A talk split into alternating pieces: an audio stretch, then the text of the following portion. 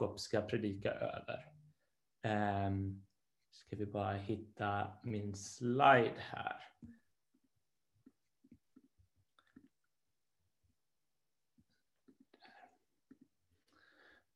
Som jag sa innan så är det en ny serie om eh, David. Och jag läser...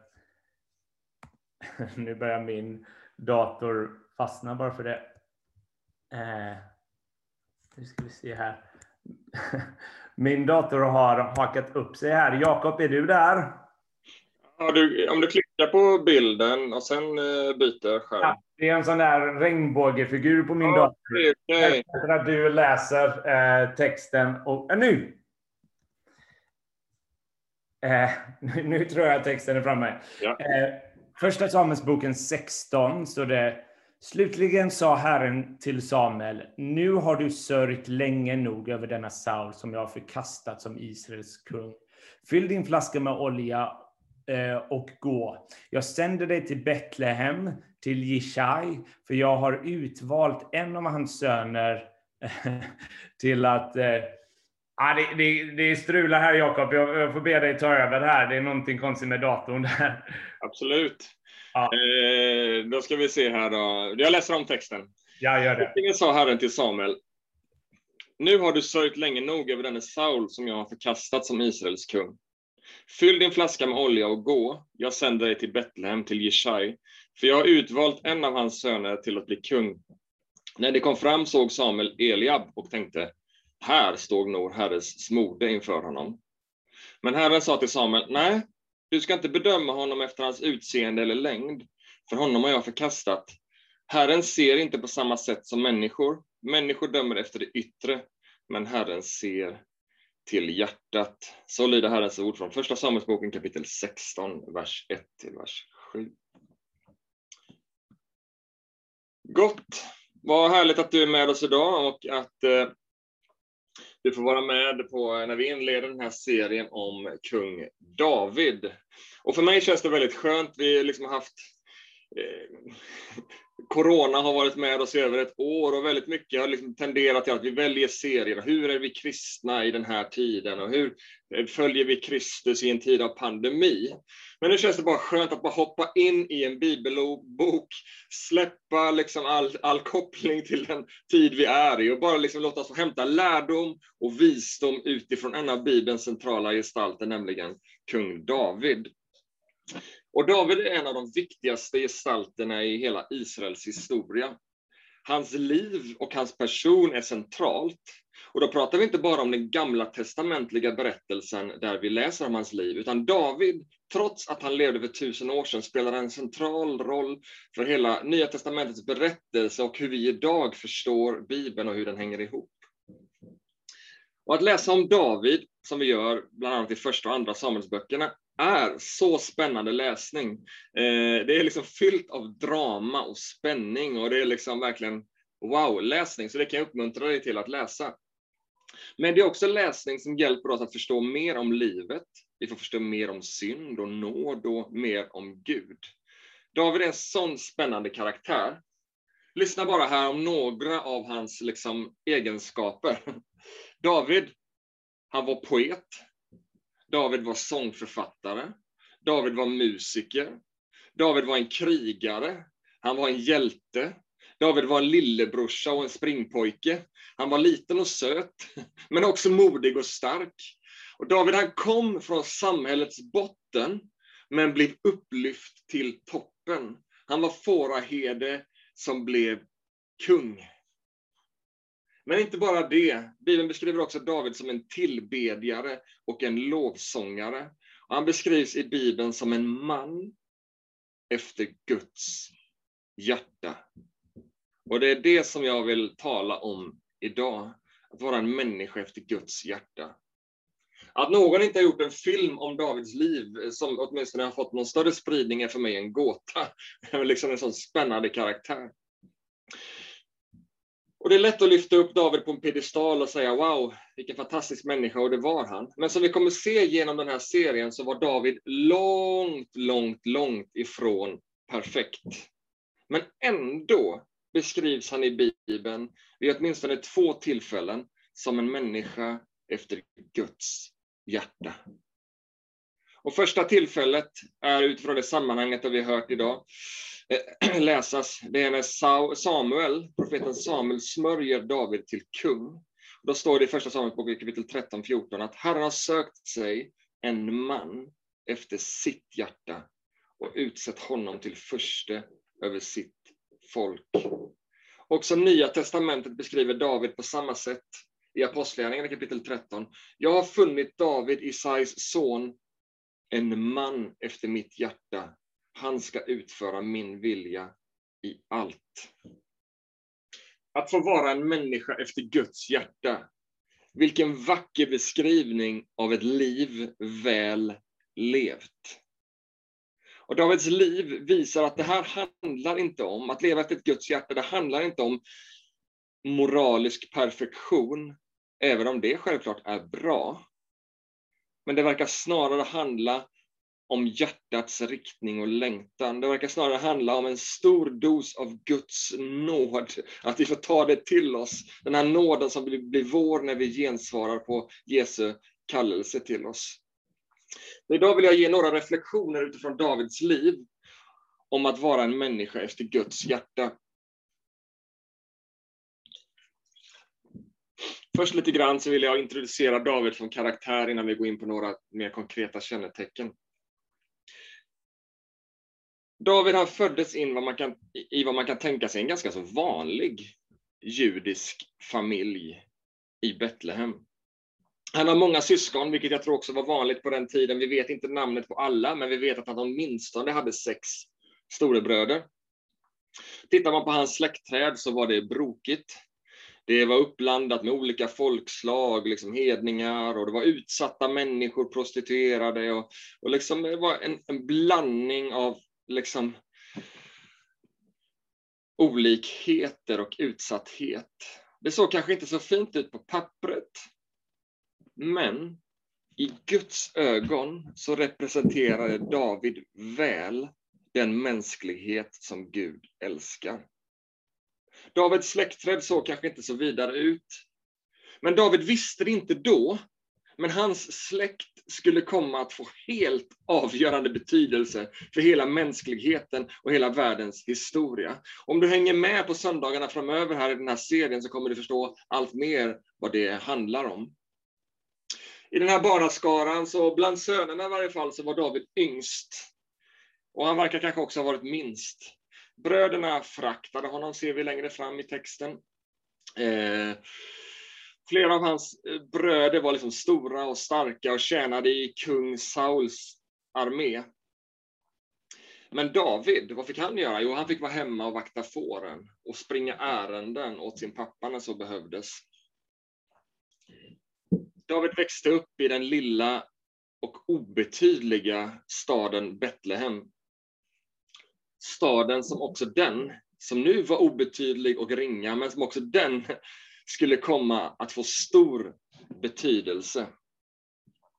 Och David växte upp i en tid där Israel precis hade fått sin första kung, kung Saul, som vi hörde berättas om i texten. Innan detta så hade Gud utvalt profeter och domare till att leda sitt folk. Men ytterst sett så hade Gud varit deras kung. Den yttersta auktoriteten var Gud, Gud var kung. Men folket i Israel, de såg på sin omvärld mer än vad de såg på Gud. Och när de tittade på sin omvärld så såg de att de andra länderna, ja men de hade ju vanliga, de hade ju liksom jordiska kungar som styrde över dem. Så de började liksom klaga, vi vill också ha en mänsklig kung som är de andra länderna. Och Gud ger människorna, människorna vad de begär. De får en kung efter människornas hjärta. Kung Saul. Gud gav Saul en chans han kunde liksom ha varit en gudfruktig kung. Men när det är upp till oss, när vi ska leda och leva i vår kraft, utifrån vårt hjärta, när vi ska försöka lösa vår egen synd och hantera våra egna brister, då faller vi platt. Och det var det som hände med kung Saul. Som en teolog uttryckte det, att folket hade bett om en kung som skulle befria dem ifrån filisterna som hade intagit deras land. Men när kung Saul dog så var de mer i fiendernas våld än vad de var tidigare. Vi behöver vara vaksamma, du och jag, över att det vi begär inte är begär som är födda i denna världens lockande visioner, utan att vi har våra begär till Gud och utifrån det livet som han vill ge. Saul blev dödad av filisterna och folket blev kringspritt utan ledarskap, utan frihet och trygghet. Men Gud har aldrig gett upp om sitt folk och lämnat dem i sticket. Faktum är att han redan innan Sauls död hade förberett en lösning, en räddare. I en fåraherde så ser Gud en möjlighet att börja återresan mot Gud själv som kung i ett nytt rike. Ett rike som går bortom jordiska riken. Och det är en resa som börjar med kung David. Och I dagens textsammanhang så talar Gud till profeten Samuel. Samuel, Saul får inte ihop det. Saul löser inte biffen. Saul är ingen bra kung. Saul han leder folket bort ifrån mig och han leder folket till kaos och nederlag. Jag vill att du smörjer en ny kung. En kung som jag, Gud, har utvalt. En kung efter mitt hjärta. Så Herren sa till Samuel, fyll din flaska med olja och gå. Jag sänder dig till Betlehem, till Jishai, för jag har utvalt en av hans söner till att bli kung. Samuel går till Betlehem, han söker upp familjen och pappa Jishai. Och när han kommer dit så får han se en stor och mäktig krigare framför sig. En krigare i Sauls armé. Snygg, verkar det som. Stark. Eliab, den största, den äldste sonen. Han tickade alla boxarna, det måste vara han. Men Gud säger nej. Denna gång ska det inte vara världens ideal som styr. Och Gud säger de välkända orden till Samuel. Herren ser inte på samma sätt som människor. Människor dömer efter det yttre, men Herren ser till hjärtat. Så fortsätter de, tar nästa son i ordningen, Avinadab, nej. Shamma, nej. Isha, nej. Och det fortsätter tills alla sönerna är slut. Och bara, okej, okay, vad händer nu? Ja, Samuel frågar pappa Ishaien, är det här verkligen alla dina söner? Nja, vi har ju lillpojken David. Han är ute på fälten och vaktar fåren. Hämta honom, säger Samuel. Då skickade Jesaja efter David, som var en pojke som såg mycket bra ut, står det i texten, rödkindad och med vackra ögon. Och Herren sa, han är det, smörj honom. Samuel tog då oljehornet och smorde David i brödernas närvaro. Och från den dagen kom Herrens ande över David och var ständigt med honom. Gud förberedde sin kung. Innan tiden var inne. Han blev smord, men ändå var det länge kvar tills han skulle tillträda. Saul skulle regera ett tag till. David fortsatte vakta får, men han var kallad och utvald av Gud att en dag inta den plats som Gud hade för honom. David, en människa, en man efter Guds hjärta. Vad var det Gud såg hos David som han inte såg hos Saul eller hos Davids andra bröder för den sakens skull? En människa efter Guds hjärta beskriver ett inre liv. Hjärtat talar om människans inre liv. Inte om gärningar och perfektion i det. Men det här inre livet, hjärtat, det ur det flödar fram gärningar, ord och handlingar. Så Gud såg en människa med ett ödmjukt hjärta, med ett hjärta som var uppfyllt av honom. Och han visste ur det så kommer det också komma gärningar som är goda, ord som är goda. David förlitade sig på Guds makt. Det var ett av kännetecknen som liksom kännetecknar den här människan efter Guds hjärta. David förlitade sig på Guds makt. Nästa vecka kommer vi höra om David och Goliat. Saul ställde upp sin armé. David kommer dit liksom och Saul erbjuder liksom, ta, ta min rustning, ta mina vapen och, och liksom Davids bröder var på honom. Hallå du din lille, liksom, gå hem och vakta fåren. Gå hem och sätt dig på en sten med din harpa och spela. Du kan väl inte slåss mot Goliat? Saul och hans armé Davids bröder de fruktade Goliat och fraktade David, för de såg i mänsklig kraft och styrka. Men David, han var inte rädd, för han såg vare sig på fienden eller på sin egen förmåga. Han såg till Gud och litade på Guds kraft. Du kommer emot mig i mänsklig kraft, säger David till Goliat, men jag kommer emot dig i Herren Sebaots namn.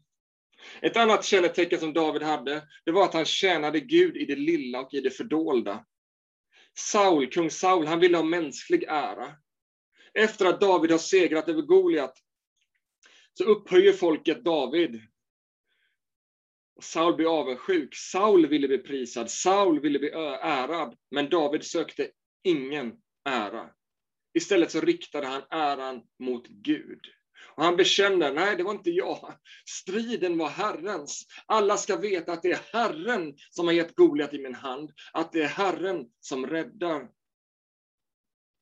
David hade tjänat Gud i det fördolda under många år. Som herde så levde man avskilt. Ni vet, han kunde varit slarvig. Vad gör du när du lever när du är avskildhet, när ingen ser på? Man kan tänka, det är inte så viktigt hur jag lever nu, för ingen ser på. Men David, han levde överlåten Gud där ute på ängarna när han vaktade fåren. David var redo att ge sina liv för fåren, trots att ingen såg på. Han brottades med både lejon och björn för att rädda varje får.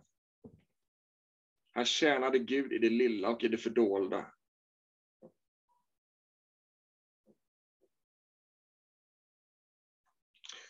En annan sak med David är att han tog inte sin plats, den blev honom given.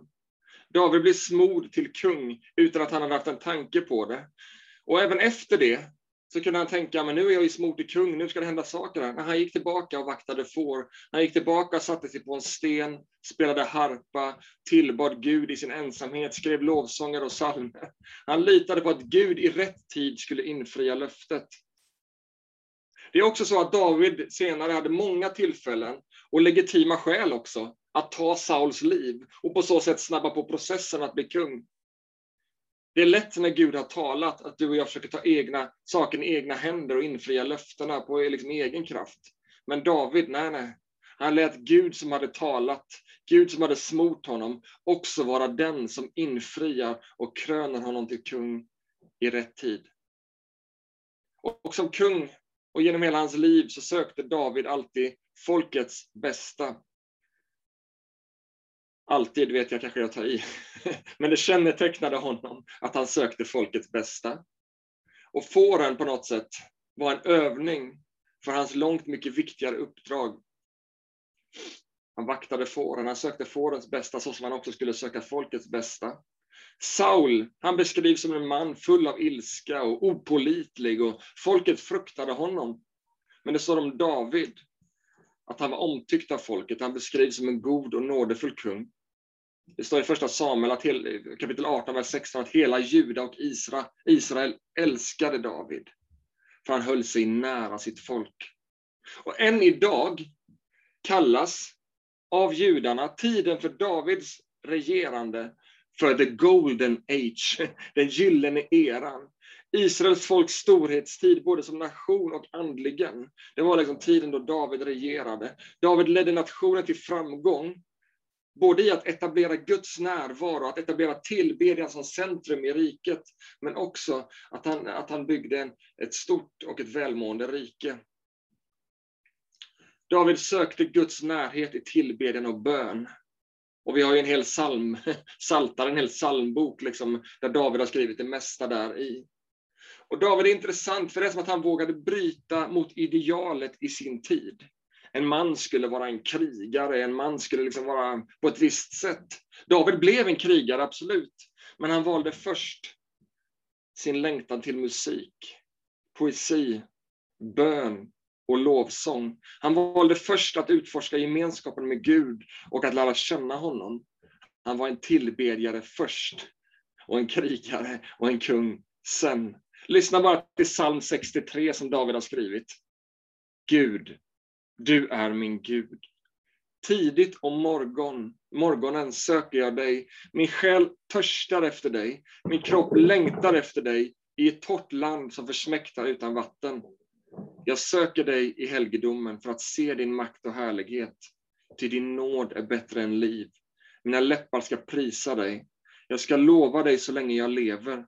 I ditt namn ska jag lyfta mina händer. Min själ blir mättad av utsökta rätter. Med jublande läppar lovsjunger min mun. När jag kommer ihåg dig på min bädd och tänker på dig under nattens timmar. Till du är min hjälp. Under dina vingars skugga jublar jag. Min själ håller sig till dig. Din högra hand uppehåller mig. En människa med ett hjärta vänt mot Gud.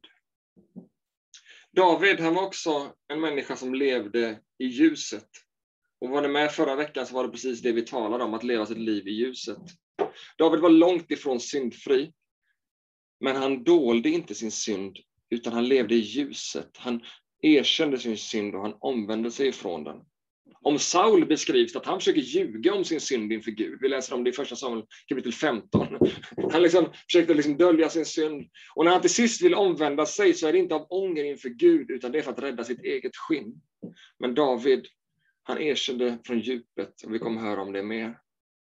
Han erkänner i psalm 51, Herre, det är mot dig som jag har syndat. Var mig nådig, jag har gjort fel. Min kropp skriker, rena mig, så jag blir ren, tvätta mig, så jag blir vitare än snö. Det här var några liksom bara kännetecken ur Davids liv. Där vi kan liksom se det här, hur det återspeglas en människa efter Guds hjärta. Vi ser spår av Guds rike. Men nu när vi har tittat på alla de här vackra egenskaperna som vi alla bara längtar efter att få förkroppsliga, om vi vill följa Gud så är det här saker som vi vill ha mer av i våra liv. Men vi får aldrig glömma att vara en människa efter Guds hjärta handlar inte först om våra gärningar och vår förmåga. Det är inte ett eget projekt där vi ska leva upp till någon moralisk perfektion och fullkomlighet.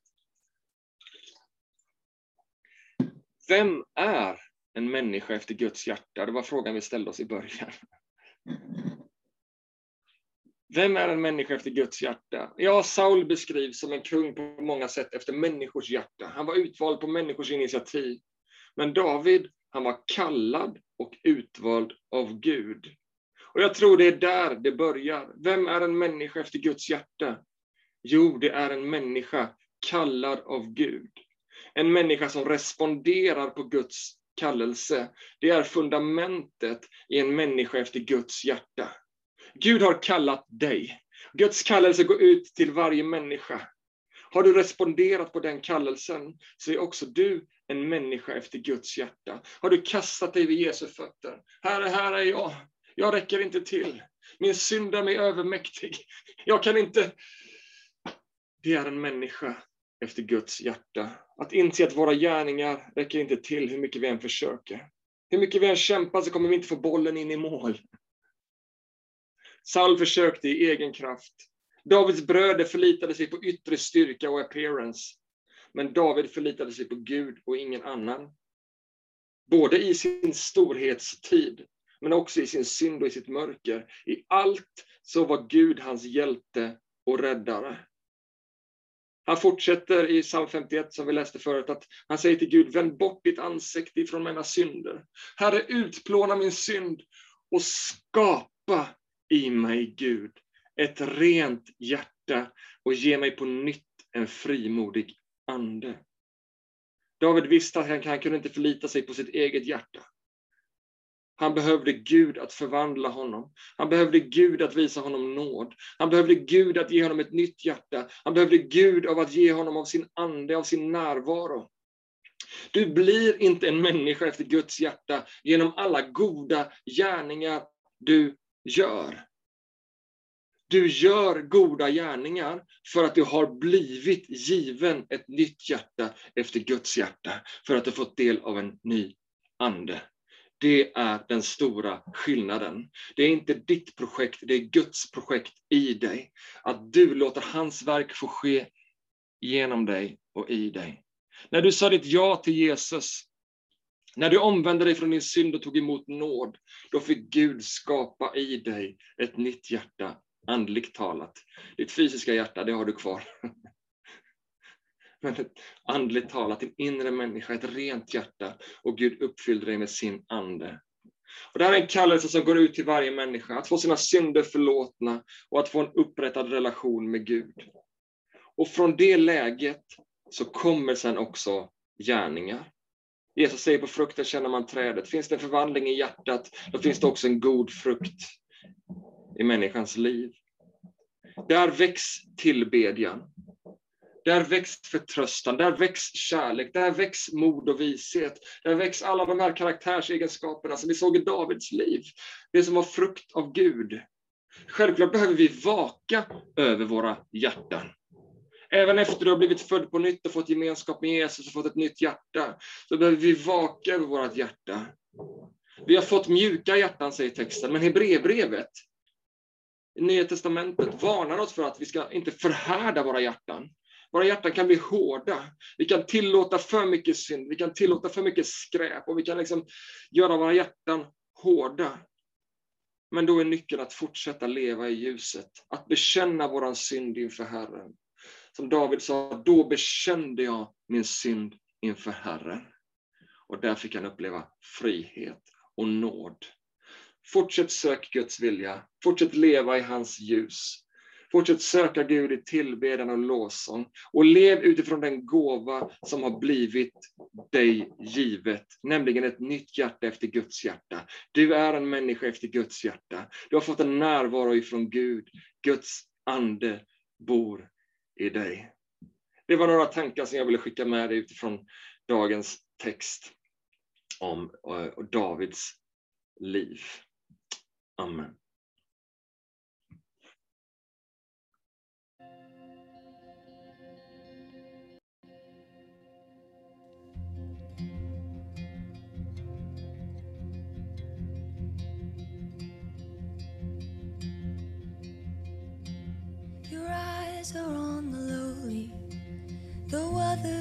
Look away. Your feet run to the broken, your hands are quick to say, Make us like you.